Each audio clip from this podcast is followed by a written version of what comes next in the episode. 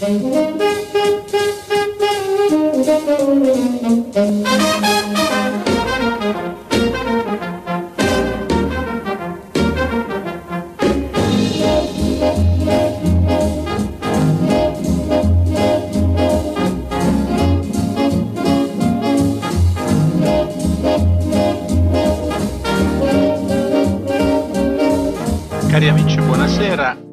Ritrovati in quest'ora di Dixie Club dedicata alla musica che ci piace.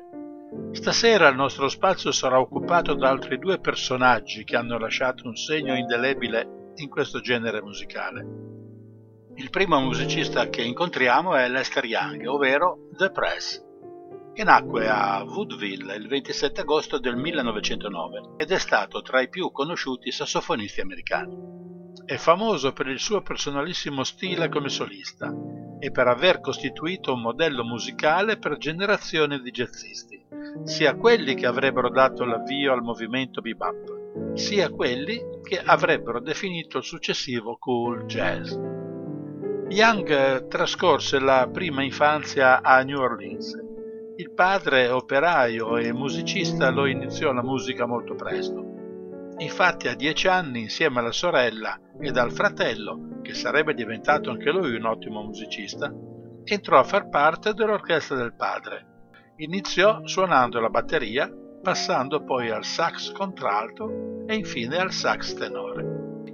Influenzato da Frankie Trambauer, che suonava il sassofono in do, cercò di imitarne la sonorità sul sax tenore il che lo portò a creare una sonorità ed uno stile personali e per l'epoca insoliti.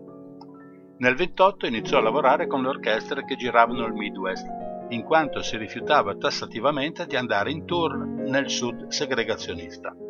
Cominciò col gruppo dei Bostonians del pianista Art Bronson, poi con i Blue Devil di Walter Page e con Andy Barfield, nel 1933 si unì all'orchestra di King Oliver e lavorò a Oklahoma City prima di approdare a Kansas City, dove suonò con Benny Moten. Fu poi ingaggiato da Count Basie, al quale aveva spedito un telegramma chiedendo di poter lavorare con la sua orchestra. Con Basie e Walter Page al piano ascoltiamo John's Idea su etichetta Decca.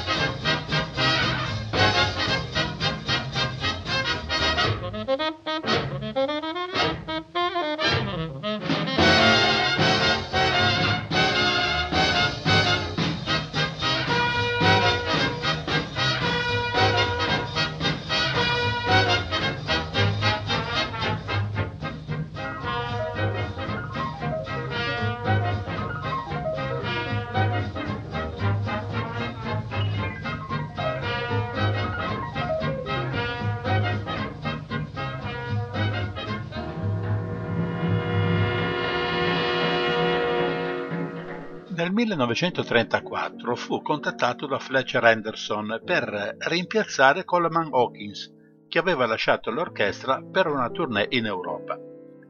Young partì per New York per un'audizione al Cotton Club, dopo la quale Henderson decise di assumerlo, nonostante il parere contrario di buona parte dell'orchestra, che non apprezzava lo stile rilassato di Young. Questa cosa a Lester non piacque rifiutò l'offerta e tornò a Kansas City dove suonò prima con Andy Kirk e poi di nuovo con Count Basie.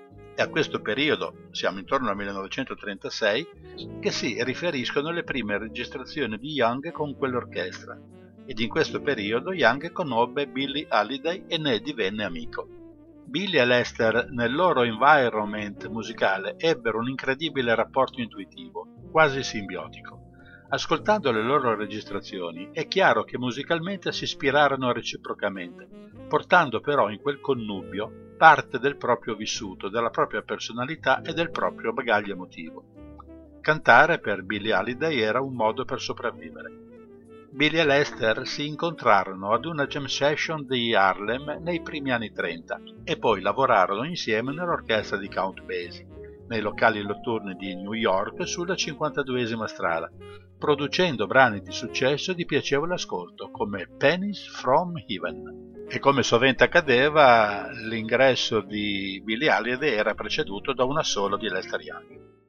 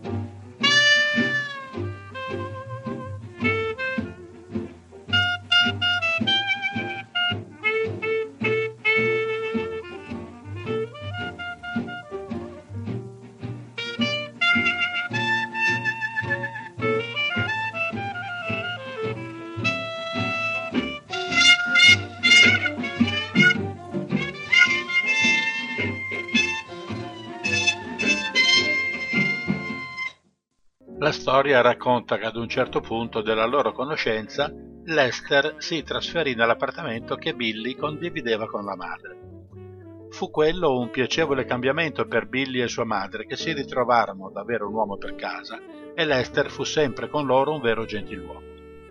Forse fra Lester e Billy ci fu del tenero, forse no. Lui cavallerescamente non ne parlò mai e lei sostenne che sempre la loro relazione fu platonica. Fu lei a dare a Lester il soprannome di Press, ossia presidente, perché lui era il primo dei suoi pensieri, e a sua volta Lester diede a Billy il famoso soprannome Lady Day. Per Billy Lester era il migliore, il più talentuoso ed il più eclettico, e insieme condivisero trionfi e periodi di magra. Questo connubio platonico o no se lo portarono anche al di fuori dell'ambiente musicale. Erano anime particolarmente sensibili, facilmente ferite dai colpi duri del music business e del razzismo palese in quell'epoca nell'America degli anni 30. Per alleviare questo dolore entrambi hanno trovato conforto nella droga e nell'alcol e se ne andarono per una strana coincidenza a poca distanza di tempo l'uno dall'altra. Altro brano da non trascurare è When You're Smiling, questa versione di Young con la Holiday è stata registrata il 6 gennaio del 1938 a New York.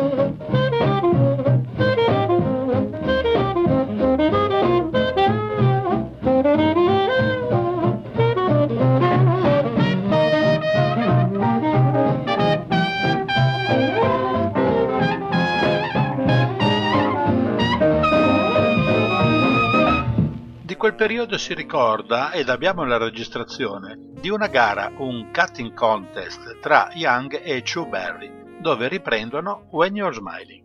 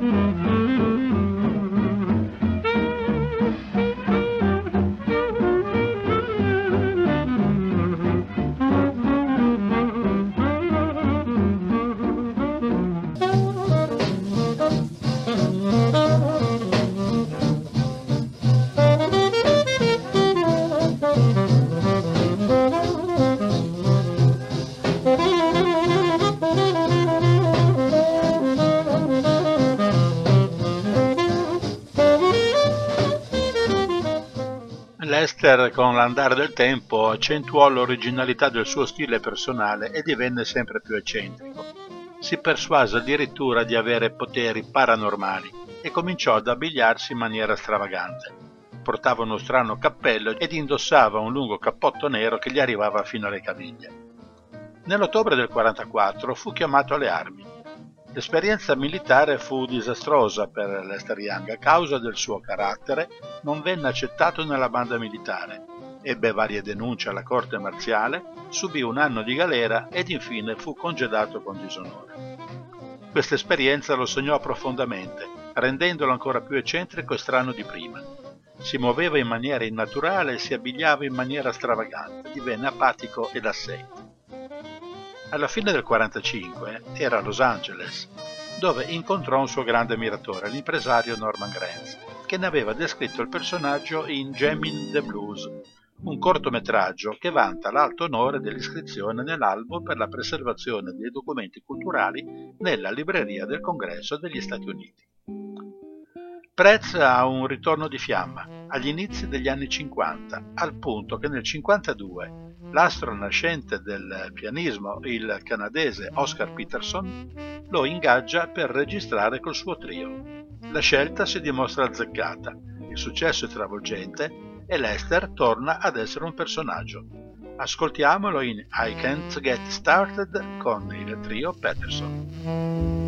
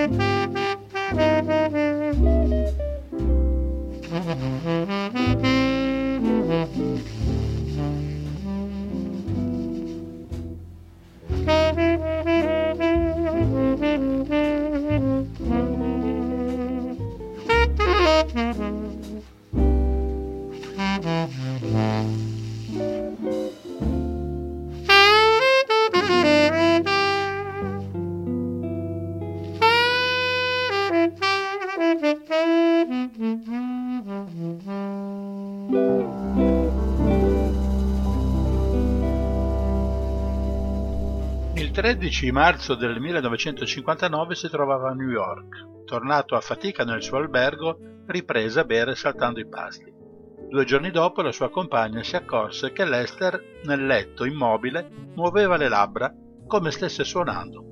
Chiamò il medico che però arrivò troppo tardi, non aveva neanche 50 anni. Gli assoli di Lester in Lady Be Good e Shawshine Boy del 1936 costituiscono il più incredibile debutto artistico della storia del jazz. Tuttavia suonò anche il clarinetto con uno stile tanto personale da far rimpiangere il fatto che non avesse proseguito con quello strumento. Possiamo averne un'idea con questo Texas Shuffle.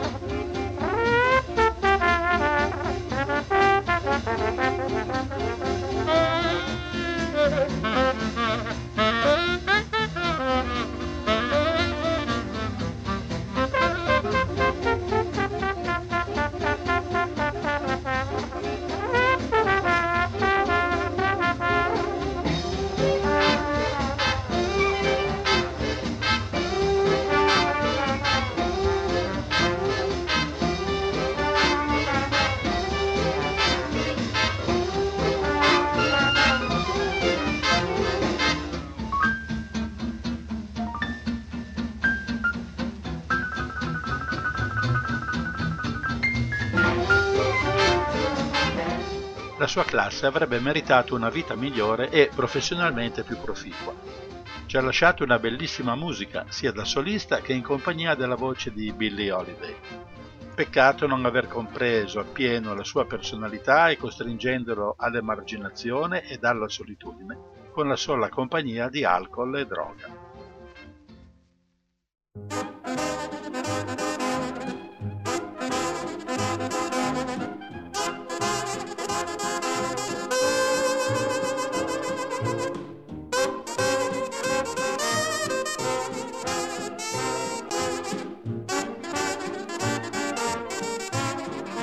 Wiki Jazz, note e curiosità intorno alla musica jazz.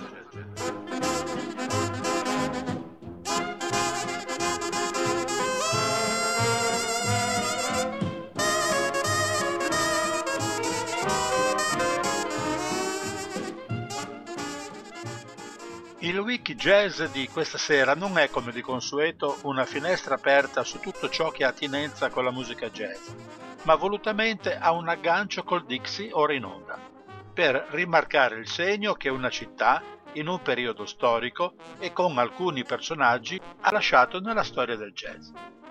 La città è Kansas City, che fu una delle capitali del jazz, ed il periodo storico è quello degli anni più duri della Grande Depressione.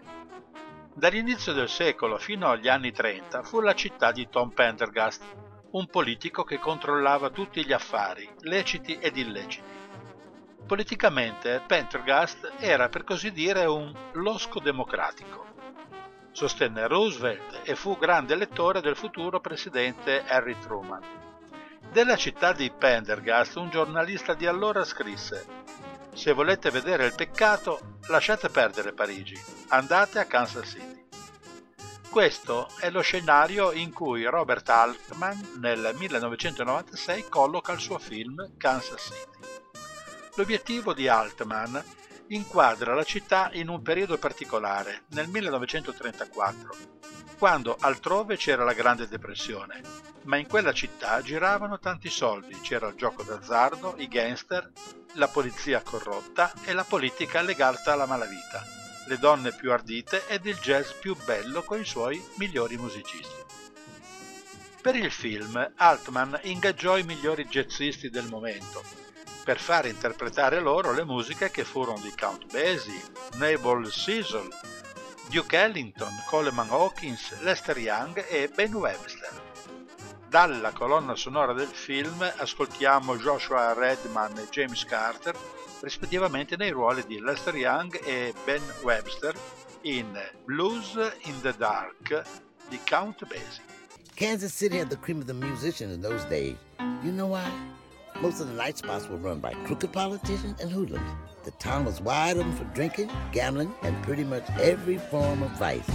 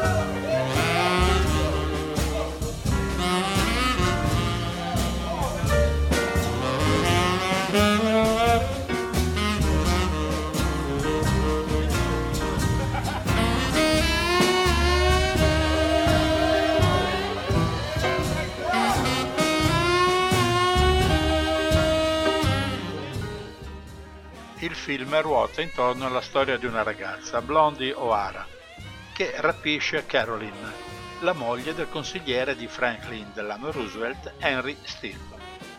Il suo obiettivo è liberare il marito, Johnny O'Hara, che si trova nelle mani del gangster Seldon Sin, interpretato da Harry Belafonte, un afroamericano proprietario di un nightclub con bisca annessa e di una compagnia di taxi chiamata Hey Hey Club Johnny si è reso colpevole di aver rapinato, truccato da afroamericano e con l'aiuto di un tassista dell'AA Club, un certo Simpson, ricco uomo d'affari e patito del gioco proveniente dal Minnesota e diretto al locale del boss. Blondie spera che il politico possa fare pressioni sul gangster Seldom Sim perché le restituisca suo marito Johnny. Nello stile di Altman, il film è una sequenza di deviazioni dalla trama principale. Il vagabondare per Kansas City delle due donne, Blondie e Caroline, che saltuariamente si mettono in contatto col marito di quest'ultima per avere aggiornamenti sul sequestro di Johnny. Nella città si stanno svolgendo le elezioni e il regista ci offre alcune schegge devastanti di storia patria, come la fine di un addetto al controllo della regolarità delle votazioni che denuncia procedure illegali e viene trascinato in strada ed ucciso a revolverate nella generale indifferenza. Blondie e Johnny O'Hara finiscono poi entrambi ammazzati. Hanno cercato di vincere una battaglia contro il potere e sono stati schiacciati. L'America descritta da Altman è una nazione spietata, un grande baraccone che va avanti a suon di brogli, violenza e morte, mentre la musica suona sempre più forte come a voler coprire i colpi secchi degli spari. Questa musica la sentiamo anche noi in Yeah Man, The Naval Season, interpretato da Joshua Redman e Craig Hank.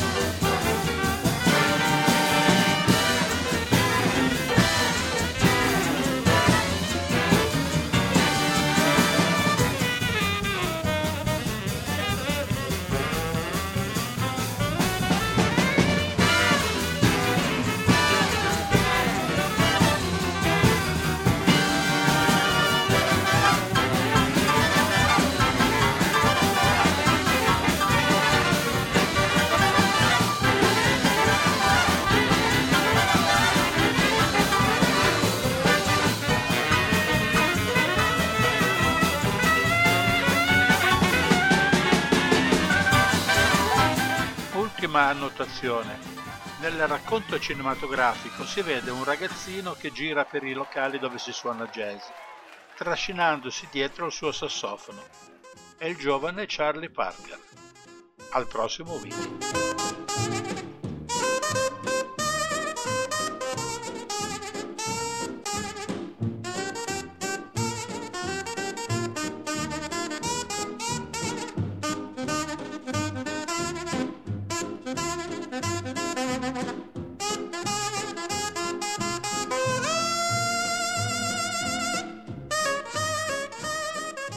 Benjamin Francis Webster, meglio conosciuto come Ben Webster, nato a Kansas City il 27 marzo del 1909, è stato insieme a Coleman Hawkins e Lester Young uno dei tre più importanti tenor sassofonisti di estrazione swing. Tra i due, il suo modello è soprattutto Hawkins, per l'uso che fa dei registri bassi del vibrato e della tecnica cosiddetta growl. Fin dalla prima infanzia Webster prende contatto con la musica e gli strumenti. Comincia a suonare il violino e il pianoforte e debutta proprio come pianista con le orchestre di Rusty Nelson e Dutch Campbell.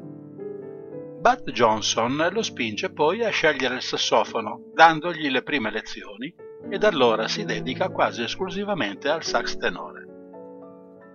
Il percorso di Webster come sassofonista ha inizio nel 1930 con la Young Family Band, costituita da alcuni membri della sua famiglia, altri musicisti, tra i quali anche Young padre e il figlio Lester.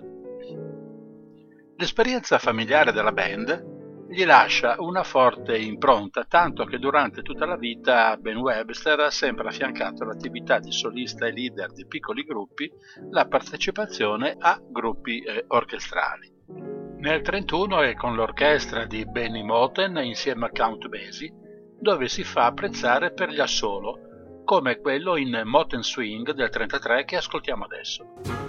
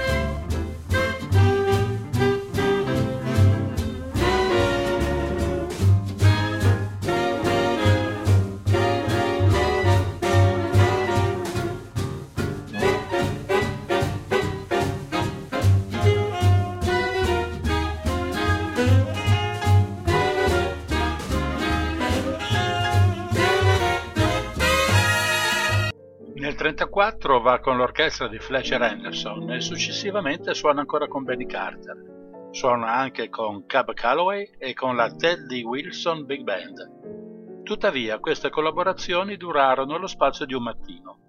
Con Teddy Wilson qui lo sentiamo in My Funny Valentine.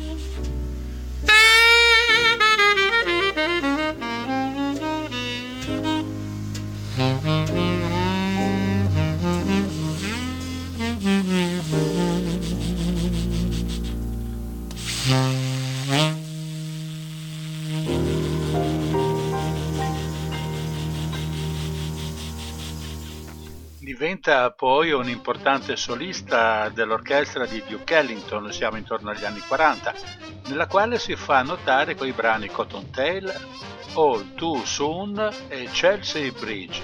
Lo sentiamo in Cotton Tail.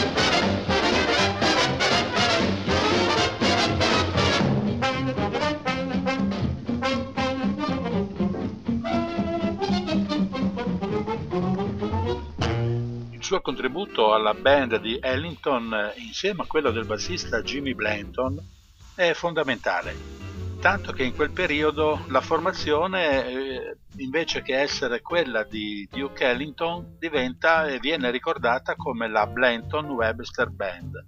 C'è la registrazione di un brano inciso in quel periodo che si intitola Jumping Pankins.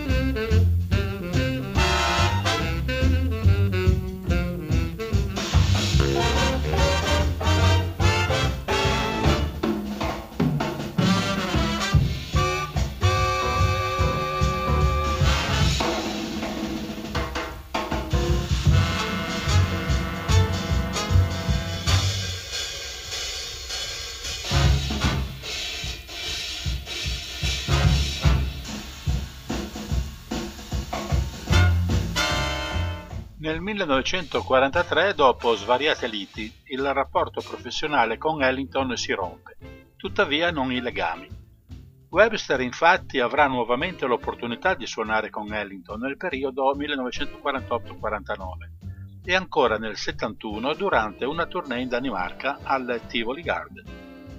Sempre durante gli anni 40 Webster frequenta l'ambiente della 52esima strada a New York e forma un proprio gruppo, registra numerose incisioni sia come solista sia sotto la direzione altrui. Dopo una breve partecipazione al gruppo di Jay McShann, nel 1953 entra nell'orchestra di Count Basie e suona in molti concerti nella serie Jazz at the Philharmonic, la band del produttore discografico Norman Granz. Questi brani vengono registrati e pubblicati su disco per le etichette della Clef e della Nordgram. Saranno soprattutto le incisioni con la Verve Record che costituiranno una cospicua e importante testimonianza di quel filone che successivamente verrà etichettato come mainstream.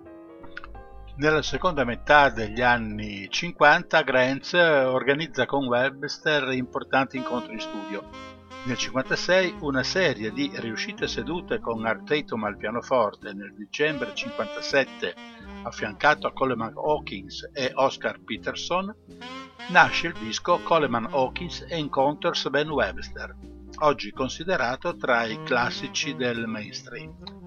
Da quelle sedute di registrazione Prisoner of Love.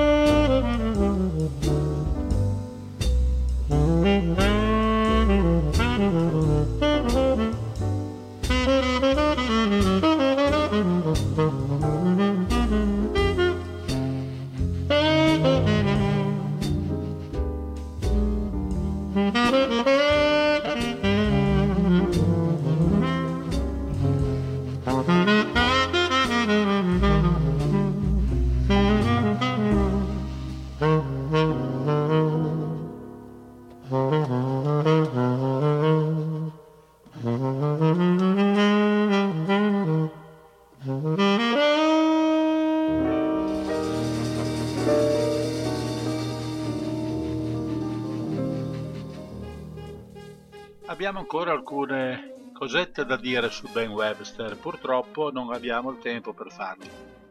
Ma la prossima settimana, all'inizio della trasmissione, vi manderò in onda gli ultimi pezzi che ho scelto per ricordare Ben Webster. Allora vi aspetto giovedì prossimo e come di consueto, good night and good luck.